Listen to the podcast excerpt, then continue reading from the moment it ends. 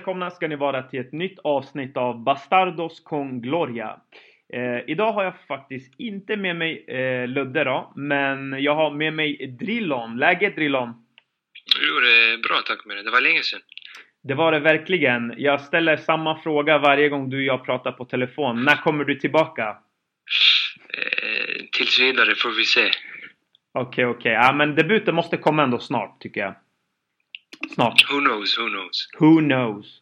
Eh, och i det här avsnittet så har jag med mig en speciell gäst. Läget Kristoffer Svanemar. Tack, kul att vara här. Eh, jo men det är bra, det är bra tycker jag. Lite stressig period just nu jobbmässigt, men annars är det superbra. Mm. Eh, jag tänkte att vi ska ju lära känna dig. Eh, du, kan ju få, mm, du kan ju få berätta först fullständiga namn. Kristoffer eh, Fredrik Svanemar heter jag. Snyggt! Eh, vad jobbar du med? Eh, Frilansjournalist. Så att jag jobbar med lite allt möjligt, men eh, mestadels fotboll. Mm. I alla dess slag. Liksom. Mycket spel. Eh, nu är jag iväg på en del resor och gör ett eh, program för fan-tv. Och eh, ja, lite sånt. Precis. Jag tänkte säga att du har ju ett projekt på G som heter Vadå och varför gör du det? Eh, det är ett projekt som vi gör eh, tillsammans med spelbolaget Betsson där vi åker runt på åtta matcher i Europa. Mm. Eh, åtta tunga matcher. Vi är väl typ halvvägs in. Tredje avsnittet släpptes idag, torsdag, från matchen Dortmund-Leverkusen. Och sen så blir det fem resor till då. Jag åker imorgon bitti till Italien och så har jag faktiskt El Clasico också kvar på eh, Härligt. Bernabéu. Så att det blir, det blir fint. Och det är på Bernabéu också? Helt strålande. Jajamän. Fantastiskt. Eh, mm. Bästa, eh, eller den spelaren du tycker mest om i Real Madrid, som har burit Real Madrids färger? Eh, det är svårt att inte säga Guti. Mm, är det så? Akvibor, han kommer ju, han älskar ju dig redan nu då. Ja, men jag gillar honom. Han har en speciell liksom... Mm. Ordet swag passar ju bra in, men han har ju också en speciell spelstil. En spelstil som är liksom... Som jag tycker att man inte kan träna sig till, utan det var 95% bara talang, spelförståelse, fina fötter och... Ja, jag, jag var väldigt svag för Guti. Mm. Eh, Drillon, kan inte du berätta om din favoritspelare? Jag tror inte vi har faktiskt snackat om det någon gång. Jag brukar inte ha favoritspelare, men mm. inga klara vinnare i alla fall. Det är allt Kristoffer sa om Guti håller jag med om. Mm. Tänk bara om Guti hade tränat. Eh, det är lite det, som är, lite det som är charmen också. Det känns ja. ju som att han aldrig tränade. Ja, jag håller med. Ja. Han är... Nej, men... Ja. Förlåt. Det, Nej, det måste ju bli Zidane. Zidane. För det är mm. Zidane som fick mig att börja titta på Real Madrid eh, när jag var en ung tonåring. Mm. Så det är svårt att inte säga Zidane. Mm. Fan, ni hade ändå två ungefär solklara. Drillon, du var ju lite mer osäker. Men jag har ju tre. Mina är Zidane, Redondo och Cristiano Ronaldo. Det är de tre för mig. Eh, och Redondo av eh, solklara skäl. Zidane och Cristiano samma sak egentligen. Eh, men eh, ja, det var det. Kristoffer, vilket lag håller du på? Jag håller på Napoli och AIK. Så att jag är tvestjärt som många brukar uttrycka det. Jag har två lag. Härligt! Och eh, då fattar ju lyssnarna att vi ska prata om just Napoli-Real Madrid då. Eh, om vi bara kort spolar tillbaka då. Eh, första matchen där, vad tyckte du Kristoffer? Första matchen på Santiago Bernabéu alltså? Eh, alltså, jag tycker Napoli kan åka därifrån med, med högt huvud. Eh, jag tycker att man liksom... Man, man tar matchen, man tacklar matchen som man ska tackla matchen. Kanske lite naivt av, av Sarri, men han är också en sån, den typen av tränare som, som hellre förlorar men håller sig till sin modell än att vara cynisk. Eh, jag tänker framförallt på valet där han startar med, med Zielinski istället för Allan. Då. Alltså han väljer en offensiv spelare istället för en defensiv. Eh, vilket var intressant och modigt.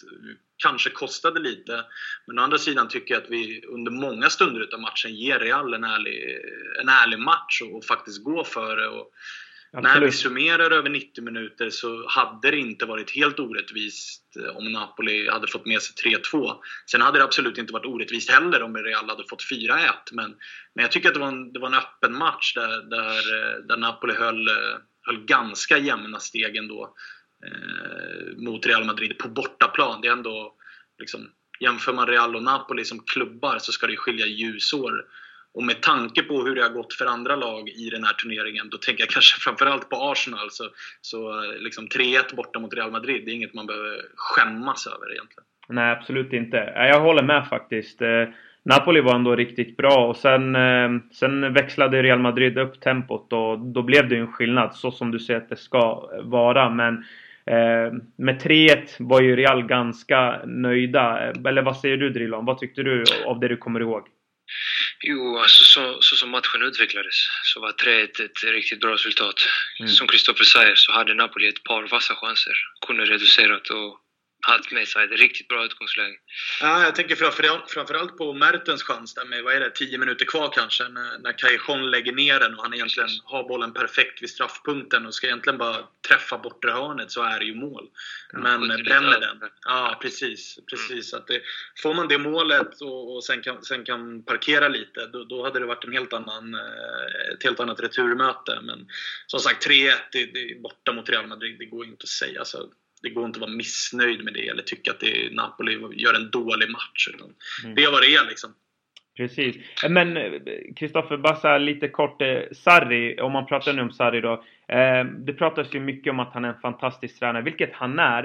Eh, men det här med att kunna stänga ibland matcher. Känner du någonstans där i första matchen att man kunde på något sätt ha, ha gjort det bättre med att vara lite mer cyniska?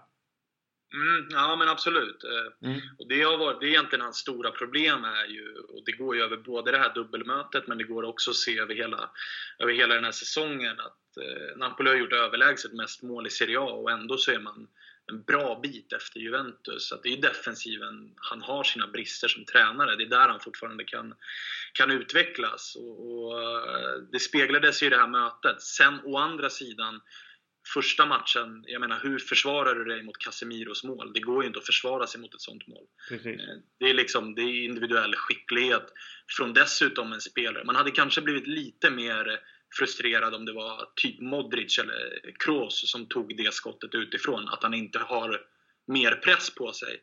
Nu är det så här, jag tror inte att Sarri i sina instruktioner inför matchen tänkte att Får Casemiro bollen utanför straffområdet, då måste vi ligga tätt, för där kan det smälla. Mm. Så det, det, där är liksom en blixt från klar himmel som ingen har förväntat sig. Så, men ja, generellt sett, ja, han, han, han har att jobba på rent cyniskt och rent defensivt. Absolut. Okej, okay, men om jag får sticka in där lite. Absolut. Så dels, dels är det en taktisk fråga, men dels är det också eh, beror det ju på vilka spelare man har i sin defensiv också. Och där skulle jag säga att Napolis bästa spelare är den offensiva kvartetten. Eh, mm. Eh, tre av Reals sex mål kom ju i, i luftrummet. Ja men precis, och där har vi egentligen bara en spelare som kan hålla jämna steg och det är Koulibaly. Eh, resten är liksom Resten är för svaga eh, rent generellt. Liksom. Ja. Där har ju Sarri valt spelare som hellre har fina fötter än är, än är starka fysiskt. Mm. Eh, Drillon, eh, om, om vi håller oss till första matchen fortfarande. Det som verkligen eh, slog många, det var ju hur fantastisk eh, Cristiano Ronaldo var i spelet. Eh, vad såg du där som du tyckte om? Av Ronaldo? Mm. Spelmässigt? Ja, eh, en positiv attityd. Mm. mycket bättre än vad vi ofta får se hos honom. Kom till många lägen, serverade till många lägen. Det enda som saknades var ju ett mål från honom. Men eh, han var väl ändå relativt nöjd med sin insats och vi var såklart väldigt nöjda med hans insats. Mm.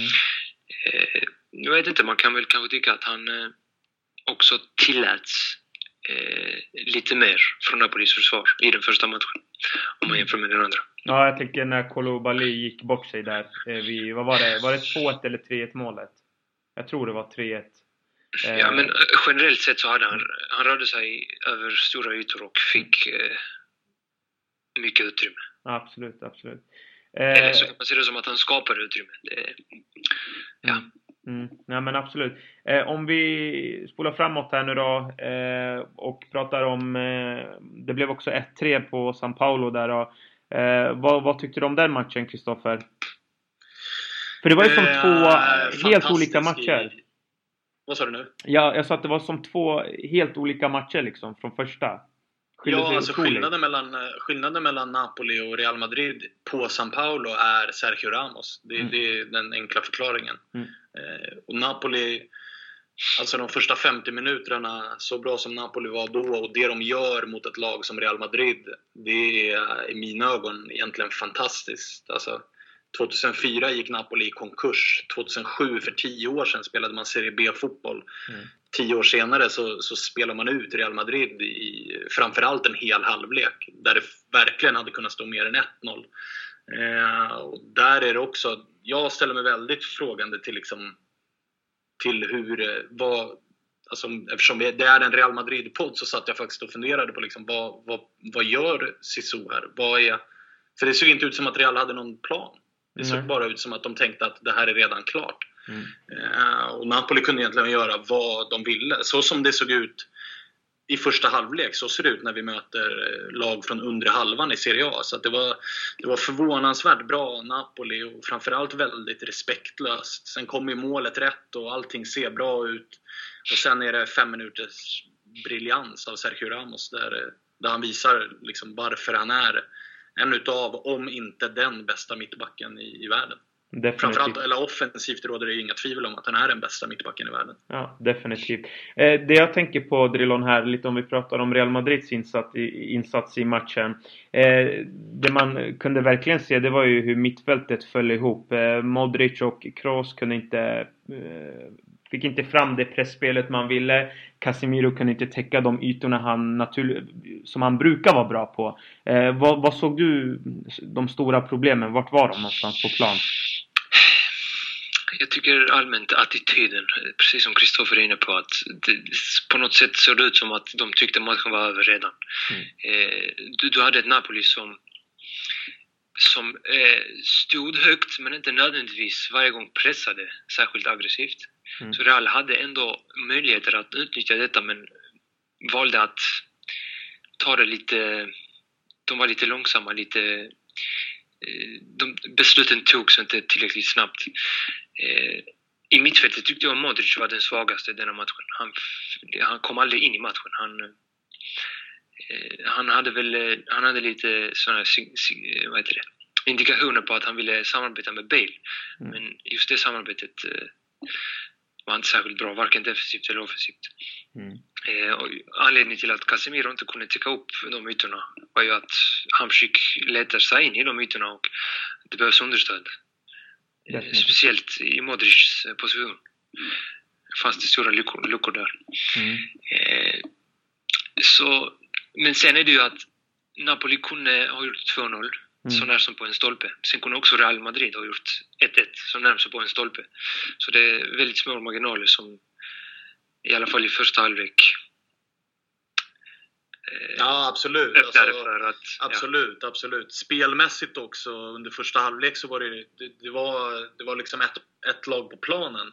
Eh, spelmässigt. Sen är ja. Ronaldos chans, liksom, det är en chans. Bale har några halv där han kommer i ett bra läge och en Bale i matchform hade såklart gjort många av de lägena bättre. Nu såg han lite tveksam ut när han fick bollen i liksom, höger ytterposition, kan vika in med sin vänsterfot, men det såg lite trubbigt ut och man såg ganska tydligt att han inte har spelat ordentligt eller är i, i toppslag. Så det är klart att med, med en Bale i form så hade de kontringslägen som ändå Napoli gav och var tvungna att ge de var inte riktigt där. Sen, sen beror det säkert också lite grann på inställningsfrågan som vi är inne på. Men, mm. men eh, över hela matchen så tycker jag, jag tycker ändå att Napoli ger ett, ett ärligt försök. Eh, men att liksom, det, det, faller på den individuella skillnaden mellan spelarna. Mm.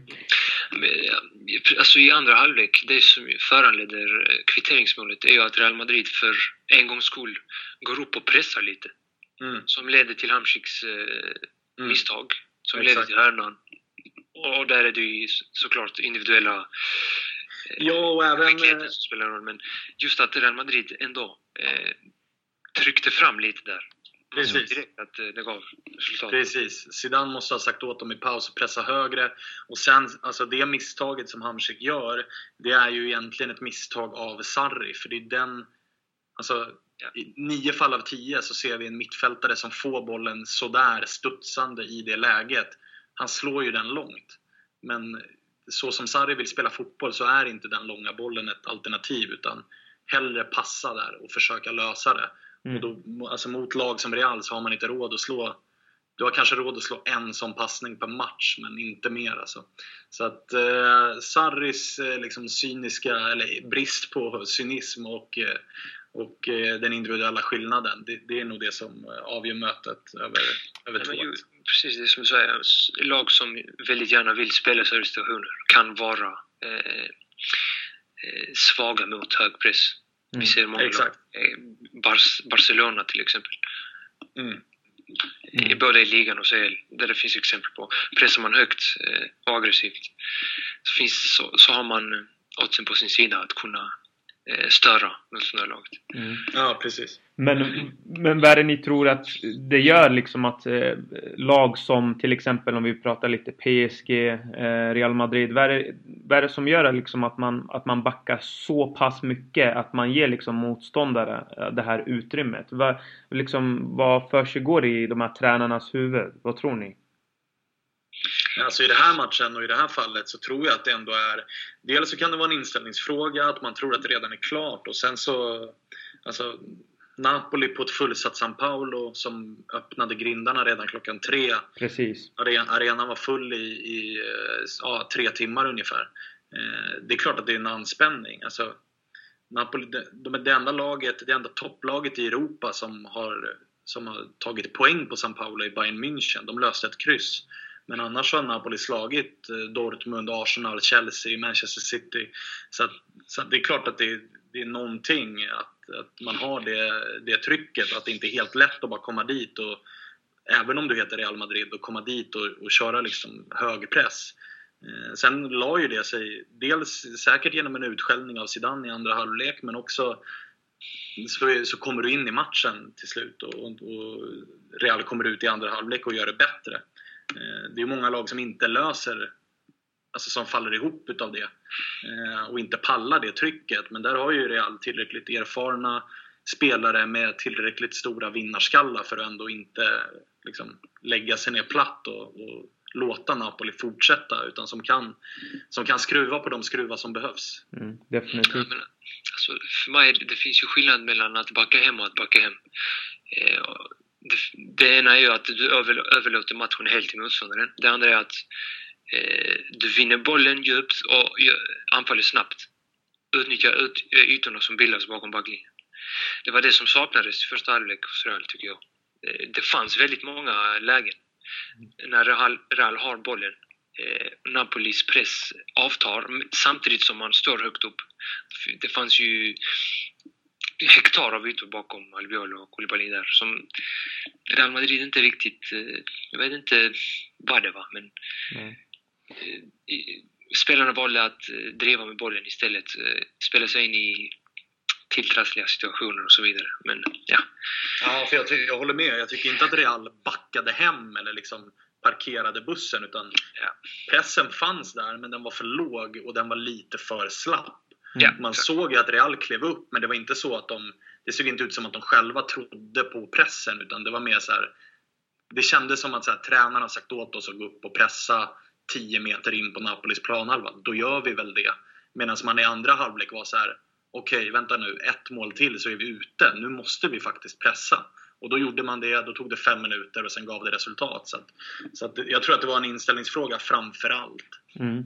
Men vi... Alltså, ja inställningen både hos spelarna och tränaren. Alltså, man, kan också, man kan också föreställa sig att när man har en ledning och kommer till eh, matchen, returmatchen, så vill man kanske först känna av spelet. Eh, man vill inte trötta ut sig för mycket, utan man, man eh, överlåter det ansvaret till motståndaren på, ett sätt. låt Napoli anfalla mer mm. första halvlek.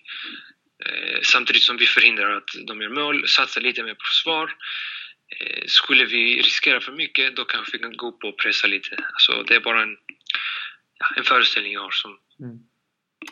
Ja, men intressant. skulle kunna vara möjlig, jag vet inte. Absolut, nej men det är jätteintressant det ni båda säger och tittar man liksom på Real Madrids senaste matcher så har det inte sett bra ut. Vi har ju klagat oerhört mycket, du och jag Drillo, när vi har pratat och, eh, och jag menar det är ju någonting som saknas men sen ska man inte vara heller som vissa Real Madrid-fans kan vara. De ändrar åsikt på, för varje dag. Eh, ena sekunden så är Bale världens bästa eller så är han inte det och sen ska James spela och sen ska Benzema bänkas och sen är det Morata som ska in det är inte det, det är inte det det handlar om. Det är inte individuella spelare utan man ser ju att det är någonting mer.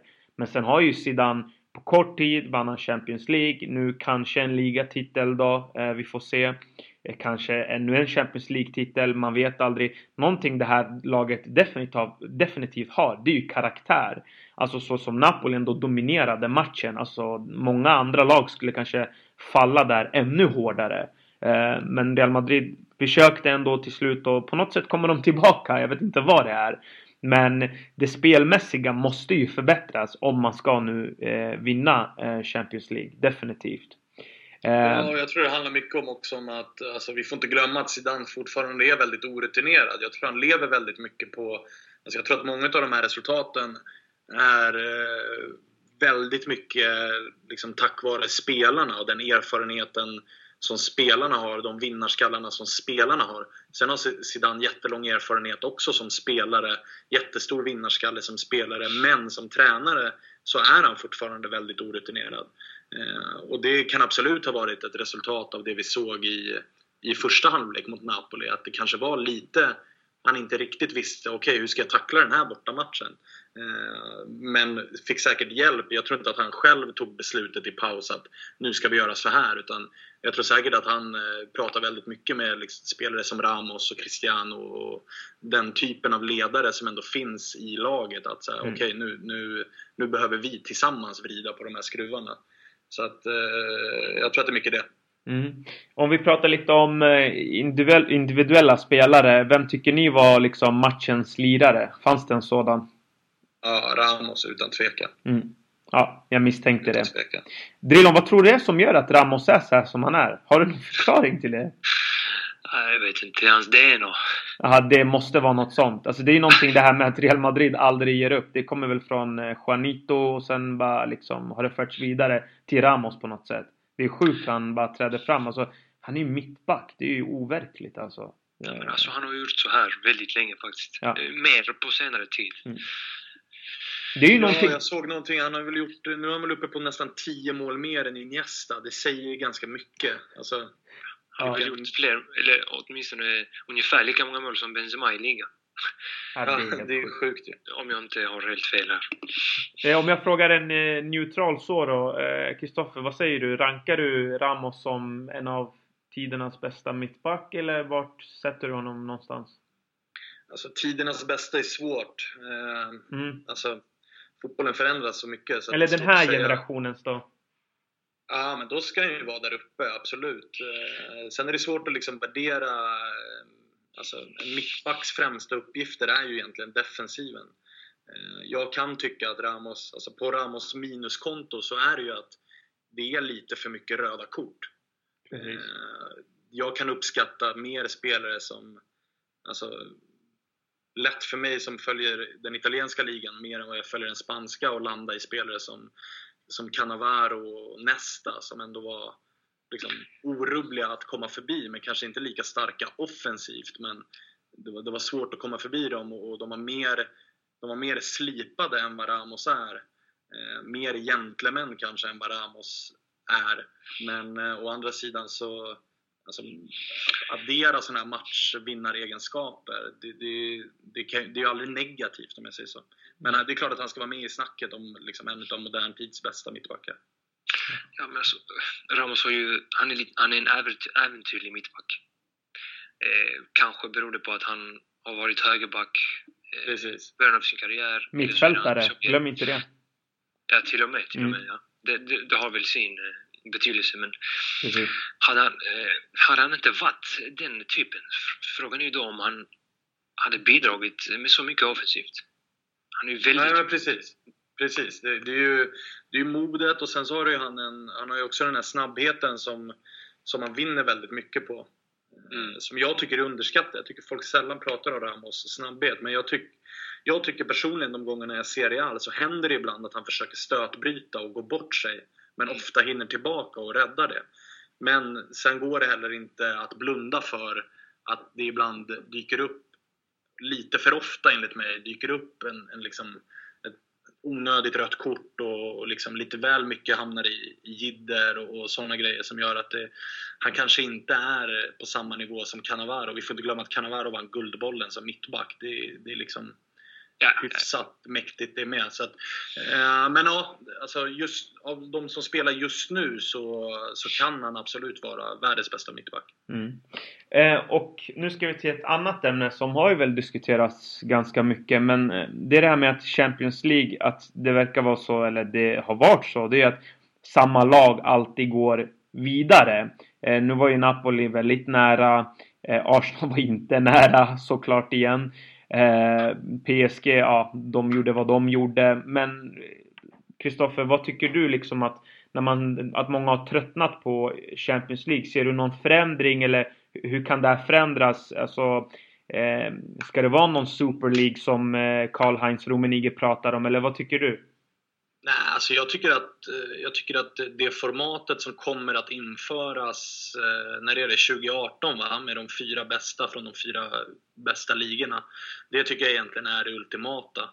För att som, som det har varit nu de senaste åren där man har försökt främja de sämre ligorna. Mm. Alltså där, eh, jag kommer ihåg Napoli och Bilbao möttes i kvalet in och samtidigt, samtidigt möttes typ Celtic och Malmö. Alltså det är orimligt att bara ett lag av Napoli och Bilbao ska spela Champions League, men också ett lag av Celtic och Malmö. Det, och som i år var det Roma mot Porto, samtidigt som vi ser FC Rostov. Liksom. Det, det, det funkar inte. Nej. Så att gruppspelet de senaste år, gruppspelet de senaste åren har ju varit extremt tråkigt. Det har ju bara varit en transportsträcka egentligen. Mm. Ehm, så att där behöver man ju titta på någonting och det har man ju gjort och den förändringen tycker jag är bra. I övrigt så, så är det liksom, så är det inte, alltså slutspelet är ju, det ser vi nu, det är ju, det lever ju, matcherna lever. Ehm, även om Bayern München slaktar eh, Arsenal så, så vi såg mötet igår på Camp Nou, även om jag vet att ni inte gillar resultatet så, så liksom, det, går ju, det går ju att få spänning redan i en åttondelsfinal uppenbarligen men det hade varit kul om det varit spänning redan i gruppspelet. Mm.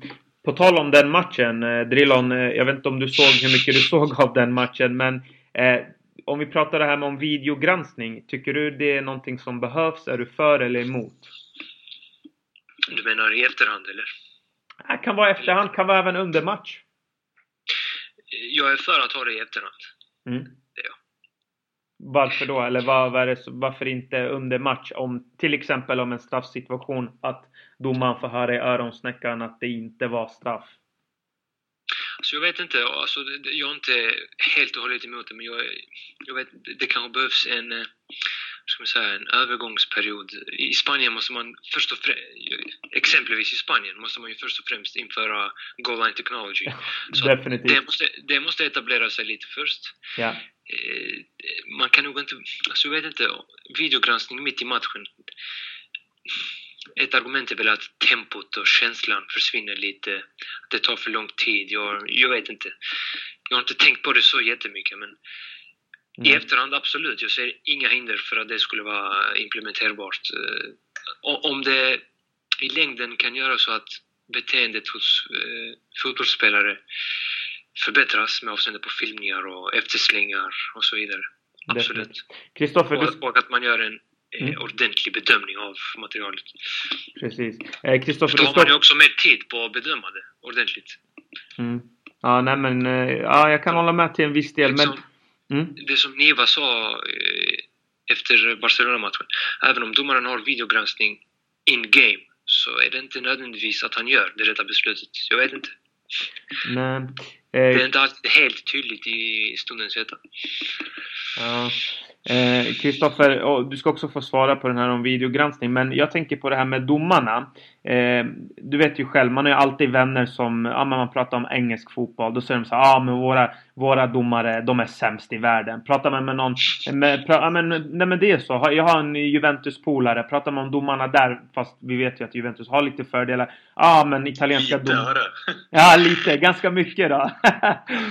men, Domarna tillhör Juventus trupp alltså. Ja men ni fattar vad jag menar. Alltså det är alltid det här... vad sa du? Absolut gör jag det. Jag förvånar mig inte om Juventus tycker att de italienska domarna är bäst i världen. Ja men alltså exakt, de säger att de är... Ja, men alltså, de flesta, flesta fansen man ändå diskuterar med alla länder säger att de är... Om du frågar mig så säger jag att spanska domare, nej det finns inte chans att man är sämre än dem. Vilket jag tycker fortfarande. Men är det inte så också att fotbollen har ju utvecklats men där tekniken kanske inte har gjort det. Alltså domarna, alltså fotboll var ju någonting helt annat för tio år sedan. Alltså idag Alltså du ser ju inte en pass, det går ju på liksom millisekunder. Alltså hur ska du hinna med? Och, alltså, och de är ju också människor, de måste också få fela. Eller? Ja, alltså absolut. Och det, alltså, angående just hela den här debatten så, så tycker väl jag egentligen att... Eh, alltså jag var egentligen mot Goal Line Technology när det kom, men det var jag för att eh, jag var rädd för steg nummer två, alltså det vi pratar om nu, videogranskning av domslut. Eh, jag tror att det bara är en tidsfråga innan det kommer, men jag tycker att det är fel för att eh, jag tycker framförallt, det, det som Drillon var inne på här, att alltså, även om vi, sitter, alltså, vi kan sitta nu och se en repris en dag senare och vi kan tycka tre olika saker. Precis. Så att bara för att någon sitter vid en, vid en TV-skärm och ser det i stundens hetta så behöver inte beslutet bli rätt ändå. Och då ser jag ingen anledning att införa det. För att det är fortfarande, fotboll är, har alltid varit och kommer förhoppningsvis alltid vara en bedömningssport. Att i en match kan en domare tycka att det där är straff. I exakt samma situation kan i en annan match bedömas som det där är inte straff. Och det är beroende på vart domaren sätter nivån. Och så är det ju och så kommer det alltid att vara. Så att just därför när det är bedömningsfrågor så tycker jag att man ska låta bli det. Däremot sådana här är bollen över linjen, ja eller nej? Det är ingen bedömning, utan antingen är den över linjen eller så är den inte över linjen. Mm. Och då funkar ju Goal Line Technology. Så, så som Goal Line Technology är idag, där det inte påverkar speltempo, det är ingen bedömningssak, utan det är ja eller nej. Mm. Absolut, kör på! Sätt in Goal Line Technology på alla linjer egentligen. Alltså mm. om det går att göra på mållinjen, varför går det inte att göra på sidlinjen mm. eller på långsidan? Mm. Så att man verkligen får veta, är bollen över linjen, ja eller nej? Men, men när det handlar om alltså, frisparkar, tröjdragningar eller straffsituationer, då tycker jag att man ska låta bli det. För då blir det som att du tar bort domaren den makten som ändå är hans. Mm. Och det är att döma om är det tillräckligt mycket beröring eller är det inte tillräckligt mycket? Är ni med? Det, det finns liksom, mm. det finns inget svar, det finns inget ja eller nej på det. Mm. Ja, så man tar ju inte ens bort eh, domarens makt utan det är fortfarande upp till domaren. Eh, fast nu har han en andra chans att bedöma väl. Det är väl det mest.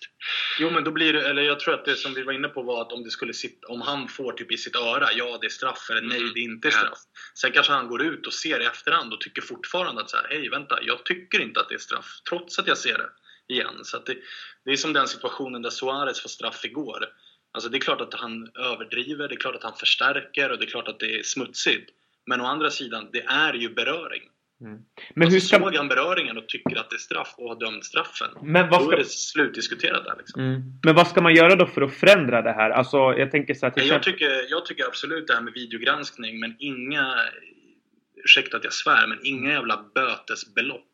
Alltså, hade Suarez fått alltså, 100 000 euro i böter mm men de är i kvartsfinal. Det är klart att Barca säger Suarez, ge oss den där fakturan så betalar vi. Ja. Utan alltså, i sådana fall så ska det vara, alltså tycker de att han har filmat, mm. då är det, alltså varsågod här har du tre matchers avstängning. För då blir det ett kännbart straff. Då blir det så här, ja, fan jag vill inte filma för att jag kan, bli, jag kan missa hela kvartsfinalen på det här. Och då kanske det inte är värt det, för då, då står de där och behöver spela med, med Paco på topp och då kanske det inte är lika kul. Liksom. Mm. Det, så att, man skulle så kunna i så fall, det måste vara ett straff som känns, inte bara något så här löjligt att du får, du får en röding euro i böter. Då, då är det, då är det lönlöst. Då kommer det inte hända någonting. Mm. Det är ju löjligt att spelarna kan ju, spelarna på den här nivån kan ju stå för den summan utan problem. Ja, ja, exakt. Inte ens kittla någonting.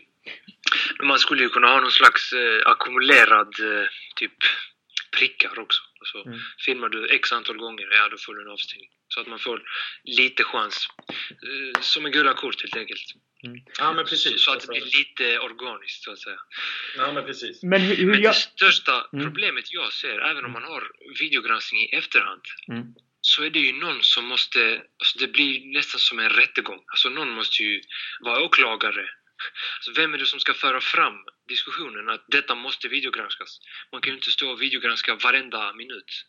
Nej. Nej, precis, precis. Och där blir det väl någonstans, det landar väl någonstans på någon typ av domarkår. Alltså jag gissar att de har, alltså de ovanför domarna, domarna blir också bedömda utav några som ska vara liksom något, någon slags domarförbund. Det blir väl upp till dem att ta beslutet. Det är ju ändå de som är domare. Men kommer vi någon gång få reda på när, eh, alltså vilken institution som brister? Jag menar till exempel den matchen igår. Hur kan vi förhindra att det, okej, okay, igår var det ju inte en situation som var felet. Det var ju fem, sex situationer som var felet. Ja, jag skrev det på Twitter efter matchen. Det var alltså absolut. Mm. Barca vände, vann, gick vidare. Det var en magisk vändning, det var en fotbollskväll som få kommer att glömma. Men det var också ett rån. Mm. Det, var, det var det vi såg. Liksom. PSG ska ha två stycken solklara straffar.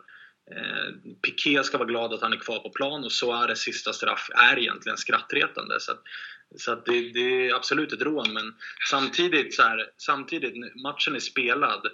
Det svåra här blir ju att om ett domarförbund går in i efterhand och säger ja, PSG borde haft två straffar, ja, Piqué borde varit utvisad och nej, den sista straffen borde inte ha blivit dömd. Mm. Hur gör vi då? då? Skickar vi PSG till kvartsfinal? Eller? Alltså det blir jättekonstigt också. Mm. Så att, så att det, det, är svårt det där. Mm. Nej, alltså man kan ju inte ändra på resultatet. Man kan exempelvis Neymars eftersläng som ju som borde ha resulterat i rött kort. Ja. Eh, utvisning. Sånt eh, det är väl inte något nytt att sånt kan eh, även i efterhand bestraffas, eller hur? Nej men precis, det är de bestraffningarna vi måste ja. åt. Alltså filmningar, efterslängar, spottloskor. Sånt behöver vi Alltså det måste gå in och straffas i efterhand med liksom någon form av videogranskning. För allt sånt kan inte domarna se, men det måste få ett slut. Men kan det vara också att man förlorar pengar på det? Jag menar, eh, Suarez har gjort det här ganska ofta. Han gjorde det förra året också. Sparkade, vet du Filipe Luis bakifrån. Skulle ha varit ett rött kort, ett direkt rött kort. Men det blev inga åtgärder i den andra matchen. Eh, vad ska man göra liksom? Jag vet inte ja, men det, det är komplext, många intressenter och så vidare. Men mm. det, det viktiga är ju att om man gör en åtgärd, då ska den gälla direkt så att det har en påverkan på nuvarande säsong. För det, då det har mest effekt.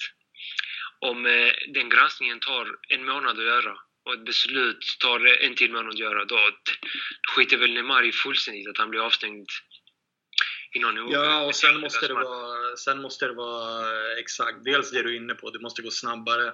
Ja. Och sen så måste bestraffningarna vara liksom matchbelagda. Jag kommer ihåg, ja, det var bara nu nyligen i, i, eh, i eh, derbyt i Rom där Lulic gick ut och sa något rasistiskt om eh, Rydiger i Roma. Mm. Och så tog det en månad innan beslutet kom och när beslutet väl kom så var det så här du får 20 dagars avstängning och då var det uppehåll så att han missade en match.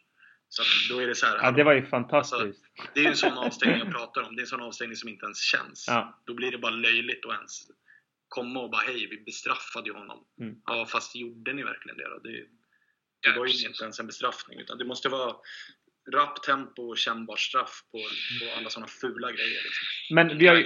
Mm. Förlåt. Nej men det är ingen fara. Jag, jag tänkte på att det här med videogranskning. Det jag menar är att om man kan på något sätt göra så att tekniken, alltså att den, att den är snabb, liksom att domarna får det på en gång. Sen absolut kan man ju prata om vem som bedömer eller vem som tittar, men utfallet blir ju ändå Alltså det kan, jag kan tänka mig många procent bättre att det sitter ändå någon extra domare som ser situationen. Alltså det kan ju inte bli sämre. Nej, men det jag tror kan bli är, och det har ju ni bra, både ni och Barca är ju kända för de här klungorna runt domaren. Mm. Alltså, jag tror att det finns en risk att tar man in videogranskning under match så kommer det bli extremt ofta att det blir sån här, ja men kolla med videogranskningen då, kolla med video, alltså Fattar ni vad jag menar? Att man är ja. på domaren att så här, kolla det, kolla det, kolla det. Eh, och då, då, finns det en risk att man vill, som vi var inne på tidigare, att man vill kolla allt. Mm. Att det är så minsta grej. Alltså helt plötsligt blir det ett inkast livsavgörande. Och så här, jo men kolla med videogranskningen vem som var sist på bollen. Ska det vara hörn eller inspark? Mm. Alltså, ja, det, det, det, finns en risk för det. Liksom. Ja, men det du säger Kristoffer, att det, bedömningsfrågor är väldigt svårt att eh, på, ett, på något sätt systematisera. Speciellt, speciellt under matchens gång.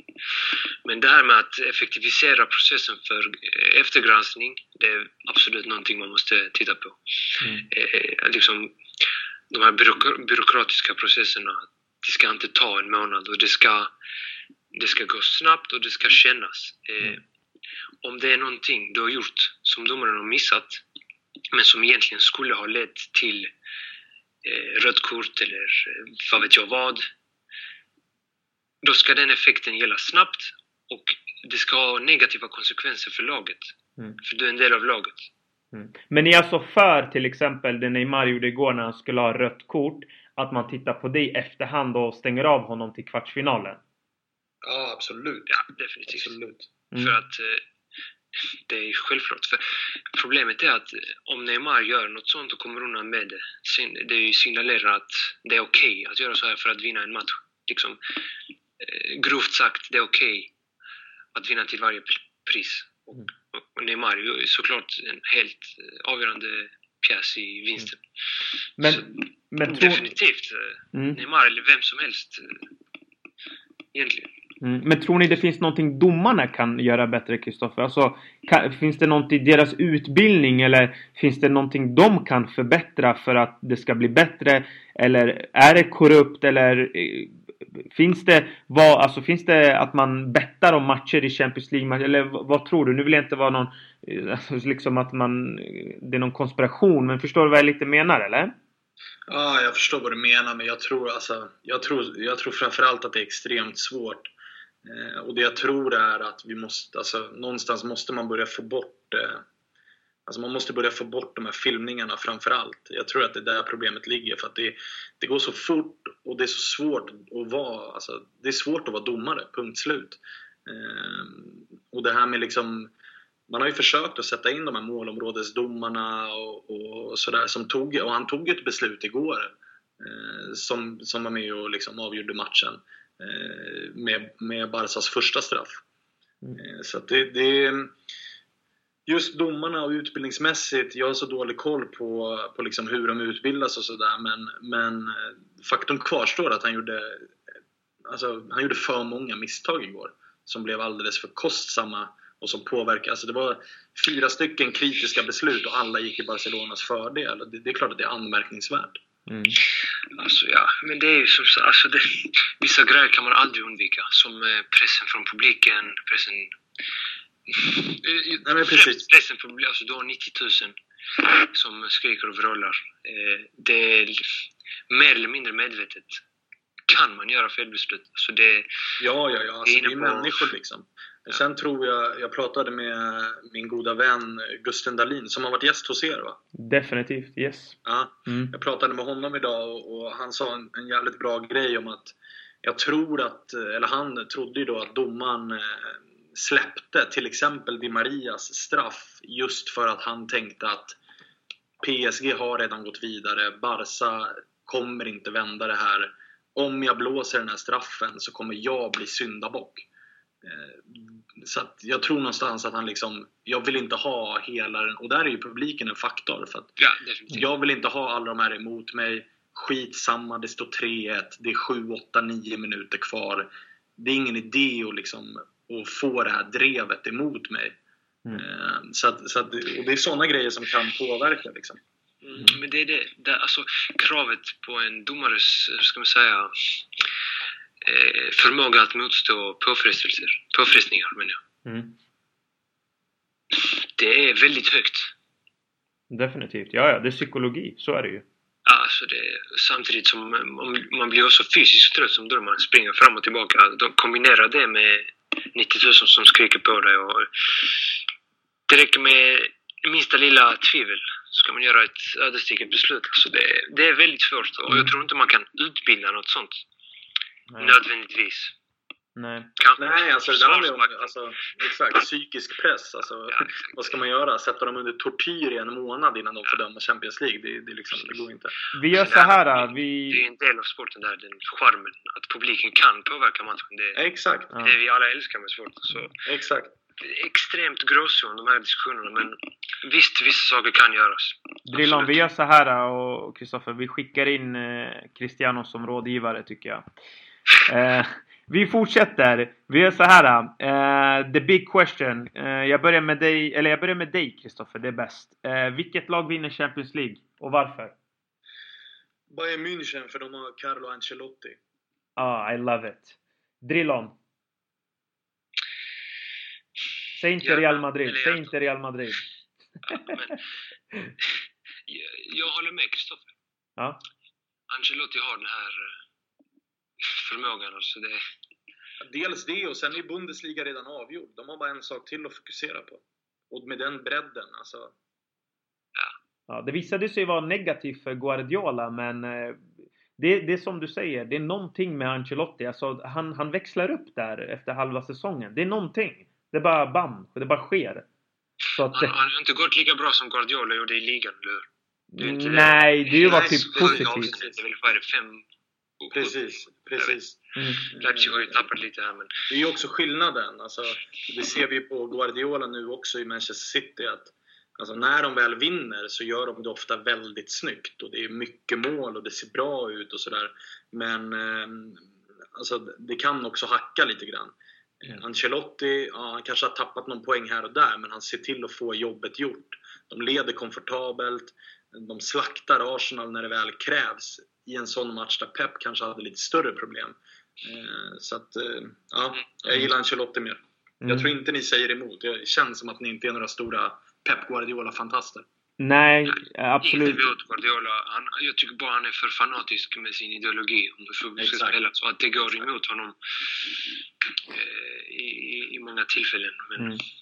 Och det här, och det här är ju eh, Sveriges största podd om Real Madrid. Så alla Real Madrid-fans som lyssnar, påminn mig om det avsnittet när jag ser det. Men jag tror inte att Real Madrid vinner Champions League. För mig är det Atletico Madrid som vinner. Jag tror faktiskt det. Jag tror på Atletico Madrid. Eh, de har ingenting att spela för i, i ligan. Det är kört. Eh, Champions League är det sista de har. Och de vill säga adjö till Simeone på ett fint sätt. Jag tror att de kniper det där till slut. Alltså, och de är för jobbiga över två möten. Alltså i en final, absolut, där är man lite tveksam. Det är lite som Juventus. Juventus är också ett sånt lag. Alltså i en final kan man slå de här lagen, men både Juventus och Atletico Madrid, det är liksom två lag över två möten där man verkligen lider. Eller? Håller med helt och hållet. Mm. Mm, jag tror att Atletico kommer få det svårt. Jag tycker inte att de har samma höga högsta nivå som de har haft. Det känns som att det är lite pyspunka, att luften har gått ur. Och det har nog säkert att göra med att Simeone är på väg bort och mm. känner själv att han inte ser en jättelång framtid. Kanske en säsong till, men inte så mycket mer. Men eh, sen också, alltså jag håller inte riktigt med om att han inte har något att spela för. Sociedad är väl bara en poäng efter. Och det, alltså ska man spela Champions League nästa år då är det farligt att gå all in på att vinna Champions League i år. Utan då tror jag nog att det ligger ändå ganska stort fokus i att ta den där fjärde platsen i, mm. i ligan. Så mm. att, eh, Fast jag tror inte mer han menar att de kommer på något sätt gå all in, utan att de har ingen, de har inte den pressen eh, i CL som många andra klubbar har. Nej, det är sant. I, kombination med att, med att de, vi vet att de kan vara väldigt otäcka att möta i ett dubbelmöte. Mm. Så är det verkligen. Jag, jag, är inne på den linjen också. Samma sak med Juventus. De är, ju, om inte annat, jokrar.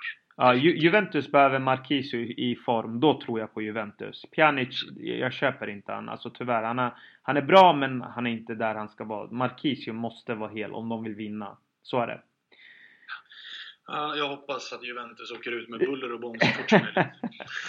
uh, de, så länge de inte möter Barca då, då bryr jag mig inte så mycket så. Men uh, ja, eh, Xabi Alonso meddelar att han slutar. Eh, Drillon, vad betyder han för dig? Eh, som Real Madrid-spelare och spelare alltså generellt. Vad, vad säger du? För Real Madrid betyder han riktigt mycket Han, mm. Eh, han var väl den, egentligen den enda bra defensiva mittfältaren som eh, Real Madrid hade sen Makelele-tiden. Så mm. definitivt betyder mycket. Mm. Han var en del av att eh, återinföra storhetstiden i Real. Absolut. Eh, för övrigt en riktigt cool kille. Ja, han är ju världens bästa Champions League-finalbilden med skorna, ja. du vet. Alltså den där är ju... Det är, alltså, han måste ju vara med i Gudfadern. Han måste vara med i nya, nya Gudfadern. Swag. Swag. Alltså, han är mer en sån här stilren swag. Ja. Alltså lite Pirlo-swagen. Ja, precis. Men de är ju de bästa swagen. Eller? Exakt, ja. exakt. Ja men Kristoffer, eh, vad känner du för en Alonso-typ? Vad har du fått för in intryck av honom som spelare? Eh, alltså, till skillnad från er två så är ju Xabi Alonso för mig, när jag tänker tillbaka på hans karriär, så är han Liverpool. Mm. Eh, när han rattade mittfältet där med, med Mascherano. Jo. Det var liksom, på den tiden så var det ju så man spelade fotboll. Alltså en terrier som vann boll och tacklade. Och en finlirare som slog passningarna. Och eh, jag vet inte, det kanske inte var i Liverpool han var bäst, men det var där någonstans han blev Xabi Alonso. Mm. Eh, med liksom hela världen. Så att eh, för mig där, och sen så är det också lite synd om Xabi Alonso för att han aldrig fick det där ordentliga erkännandet i landslaget. Med tanke på att han var där under samma period som... Alltså han var bäst under samma period som Xavi var bäst. Och det, är lite, det är lite som målvakterna i, liksom, i, landslag, i spanska landslaget, att det har varit liksom en, en epok med med väldigt många bra målvakter samtidigt. Så vissa som har varit extremt bra har hamnat lite i skuggan. Så att det tycker jag är lite tråkigt med Xabi Alonsos annars jävligt fina karriär. Liksom. Alltså Liverpool, Real Madrid, Bayern München. Det är svårt att, det är svårt att liksom racka ner på en sån karriär. Men det är trist att han aldrig fick det här riktiga eh, erkännandet i landslaget. Mm. Ja, han var ju, jag tycker han var en av de viktigaste spelarna i landslaget. Det fattar jag inte heller varför folk inte har pratat om. Men såklart när du har också Xavi Iniesta i den formen de var i och den tiden de hade så, så är det ju svårt att bli igenkänd av. Så är det. Eh, ja, men det är som Kristoffer säger, alltså, mm. han var väl troligen bäst där mot slutet av sin Liverpool-tid. 2007, CL-final, Liverpool mot Milan. Mm. Eh, alltså det, mittfältet Liverpool hade var helt fantastiskt. Men även EM 2008, då var Alonso kanske... Det var det året han var som mest inflytelserik i Spanien, tror jag. jag Spaniens landslag. Mm. De med Aragones där. Mm. Sen, eh, han var ju bra i Real, han har varit bra i Bayern, men han har ju tappat eh, lite spets, lite udd med åren. Mm. Kanske blivit bättre på andra saker. Men såklart tackar vi Xabi Alonso för allt han har gjort, för han har ju betytt enormt för Real Madrid. Så är det ju. Ja, eh, grabbar, är det någonting mer ni vill till, tillägga? För jag känner att vi är ganska klara. Fan, jag vill ju snacka om Monchi också. Just det, vi skulle ju prata om Monchi till eh, Real Madrid. Vi kan ta upp det, absolut.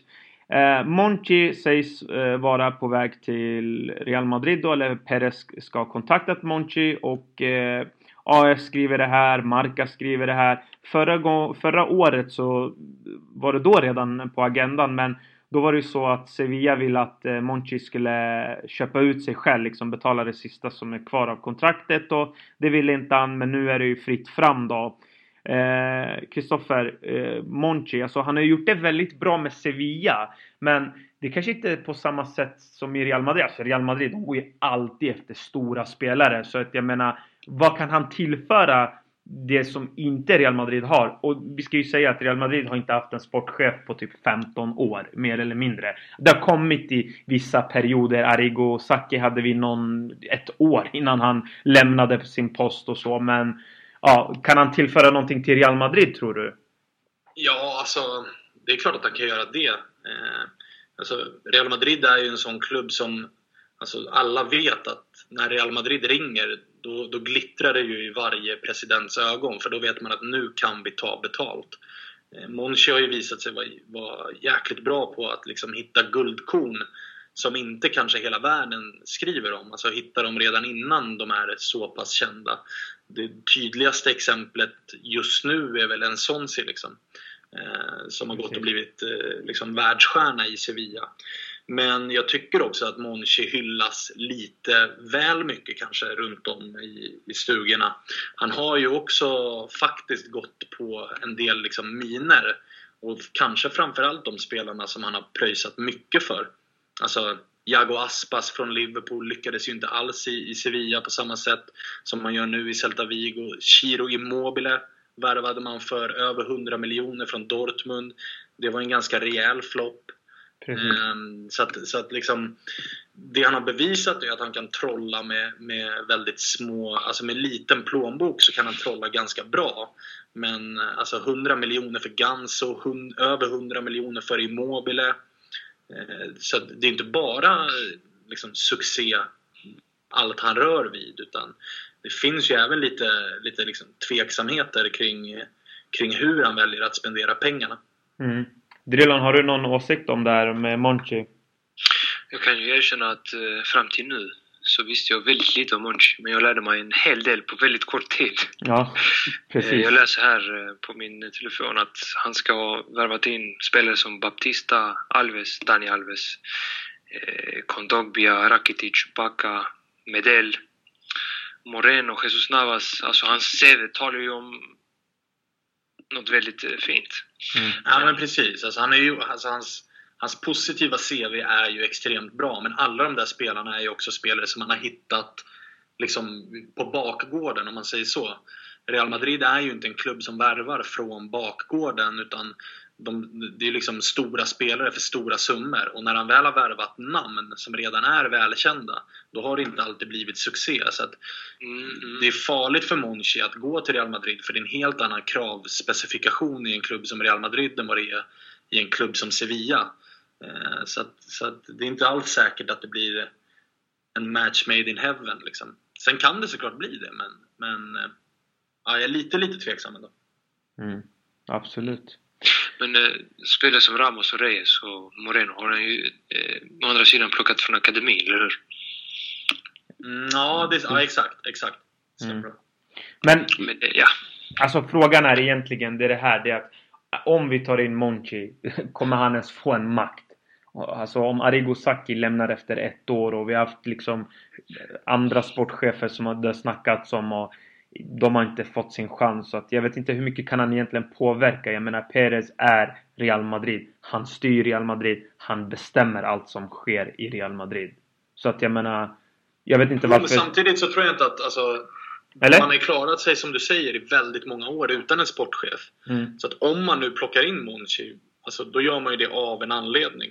Jag tror inte att man plockar Monchi och säger Tja, du får vara sportchef men du har ingenting att säga till om. Liksom.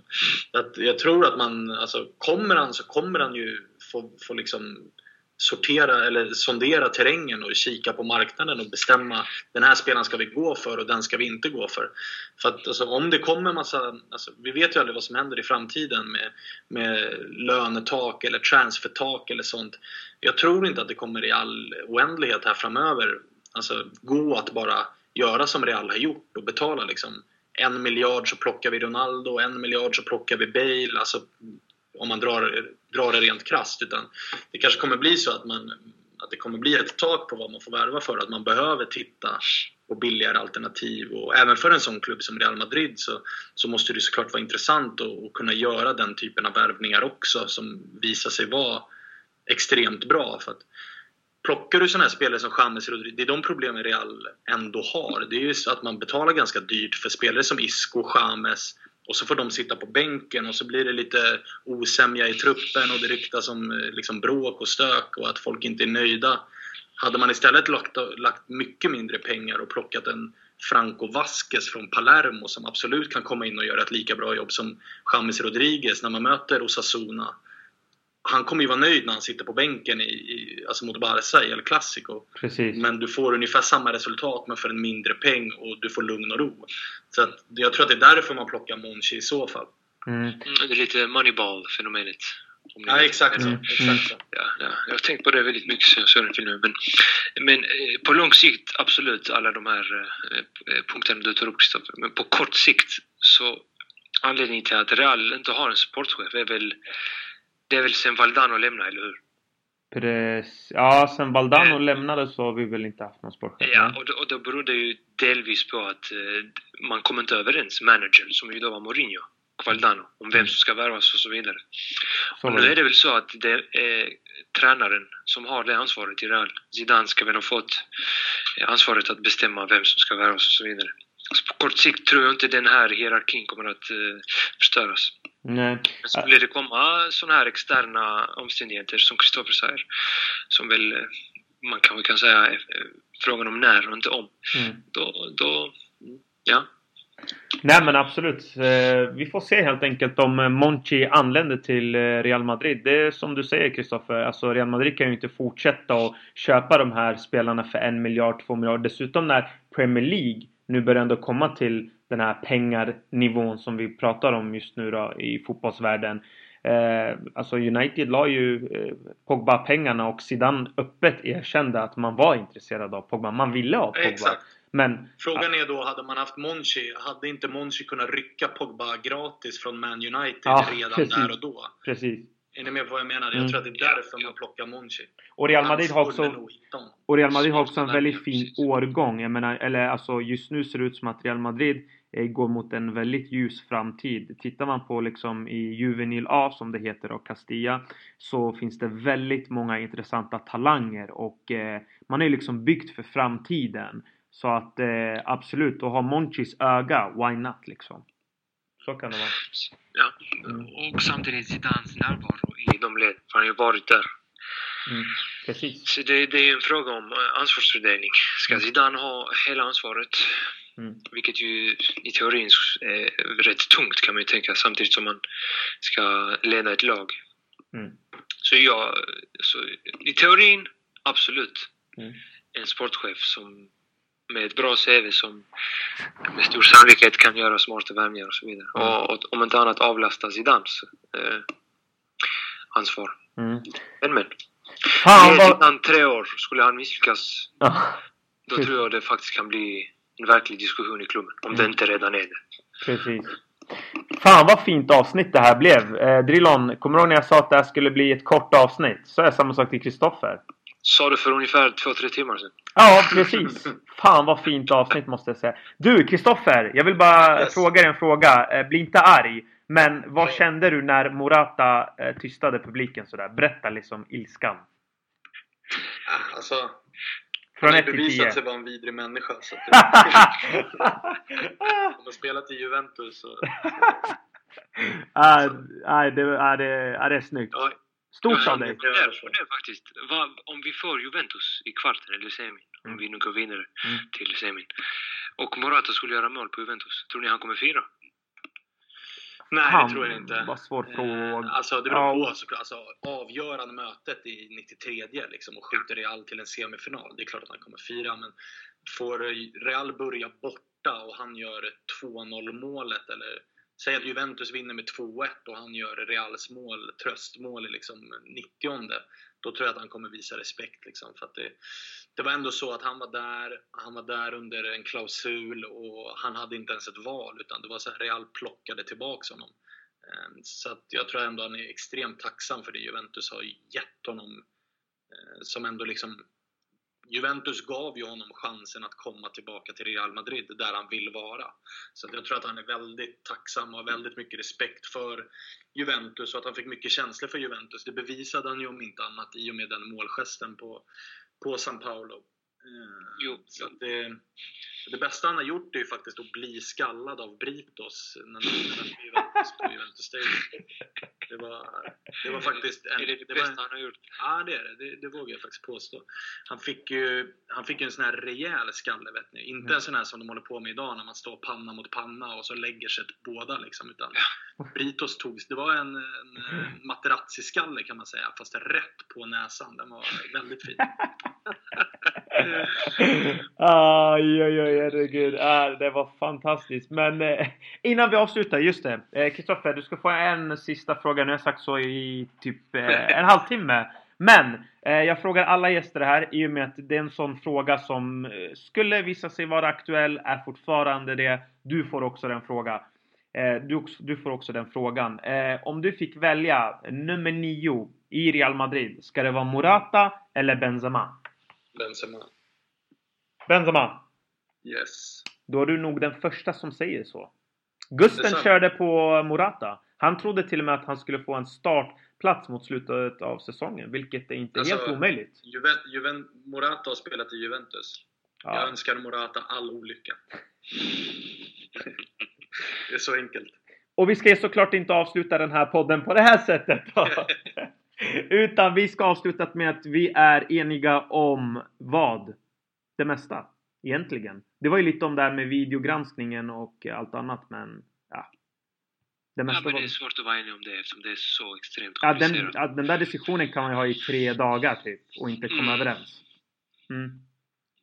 Kristoffer, mm. vad, vad, vad, vad, hur ser framtiden ut för dig? Vad ska du göra? Framtiden för mig mm. är mm. att jag eh, imorgon bitti åker till Milano eh, där jag sen plockar ut en hyrbil och kuskar ner, eller ut mot kusten till Genoa där jag ska kolla på derbyt Sampdoria mot Genoa. Eh, Fan vad så fint! Jag är där eh, fram till söndag, sen kommer jag hem igen. Mm. Eh, så det är min närmaste framtid och det är ungefär så långt jag kan planera nu för tiden. Ah, eh, trevligt! Vad, vad är räken på Sampdoria? Genoa är... Ja. Genoa är ju under isen. De vann senast i och för sig, men innan det hade de ju 11 raka utan seger. Men nu har de ju bytt tränare till Mandorlini. Han ja, är ganska bra på att styra upp lag. Så det, vill man betta så tror jag att det blir eh, mål. Jag tror man ska betta på över 2,5, kanske till och med över 3. De fyra senaste derbyna har gått över 2,5 så mm. där har ni reken till helgen. Fan, jag bettar, jag bettar aldrig för jag förlorar alltid. Men eh, Svanemar, i och med att du kör det här med betting och grejer så kan du ge mig tips och så säger jag det till mina vänner. Om de vinner så tar jag pengarna från dem. Men, men då ska de betta på över 2,5 mål. Mm. Du borde göra som jag, betta riktigt mycket, förlora riktigt ofta. Men ja, ja, ja, du är en kung på att förlora. Men alltså, jag... Spelbolagens guldkung. Ja men alltså, ja, men jag, jag, jag, jag, jag är ju den här oturs, oturskillen. Jag vinner ju aldrig någonting. Du vet, det är som när man kommer fram till Bingolotto. De bara, jag vinner aldrig någonting, nu vann jag. Ja men jag är den människan. Alltså, jag tippar, då, då inget går rätt. Och sen säger jag till mina vänner, tippa så här och så vinner de pengar. Nej, fuck it. Jag spelar aldrig då. Till mitt försvar så spelar jag väldigt små summor så... Ja, det gör du. Ja, faktiskt. Samma här. Samma. Ja, ja. Nåväl, det här var ett fantastiskt avsnitt. Tack till alla lyssnare där ute som eh, lyssnar. Eh, ni gör den här podden så jävla fet. Eh, fortsätt att gilla oss och följ Svanemar på Twitter. Och eh, du ska komma definitivt, definitivt tillbaka när du har sett Real Madrid-Barcelona. Då måste du eh, säga allt du upplevt på den här podden. Det kommer jag göra. Det kommer komma ett program om det också, men jag kommer gärna tillbaka och surra om den matchen. Det ska bli, det ska bli fett faktiskt. Jag är glad att jag får se den på Bernabéu istället för på Camp Nou, det måste ja. jag säga. Vill du ha en Real Madrid-tröja så skicka en. Ja, det får vi se. Den, den diskussionen ja, kan, vi ta, ja. kan vi ta sen. Okej, okay, ja, det är sant. Det är sant. Okej, okay. jag ska inte göra så mot dig. Eh, ja, men grymt grabbar. Tack för att ni var med. Eh, och eh, adios. Adios.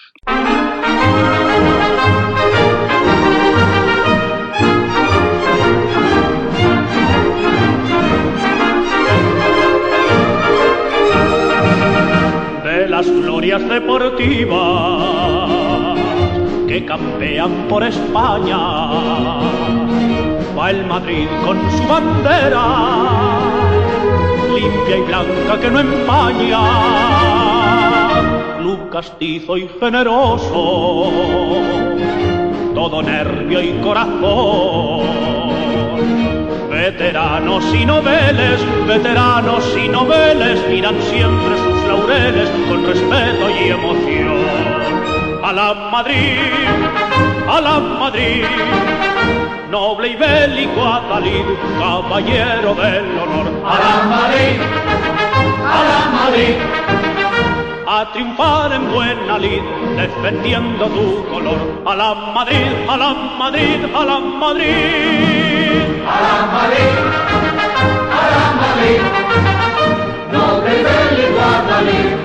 caballero del honor.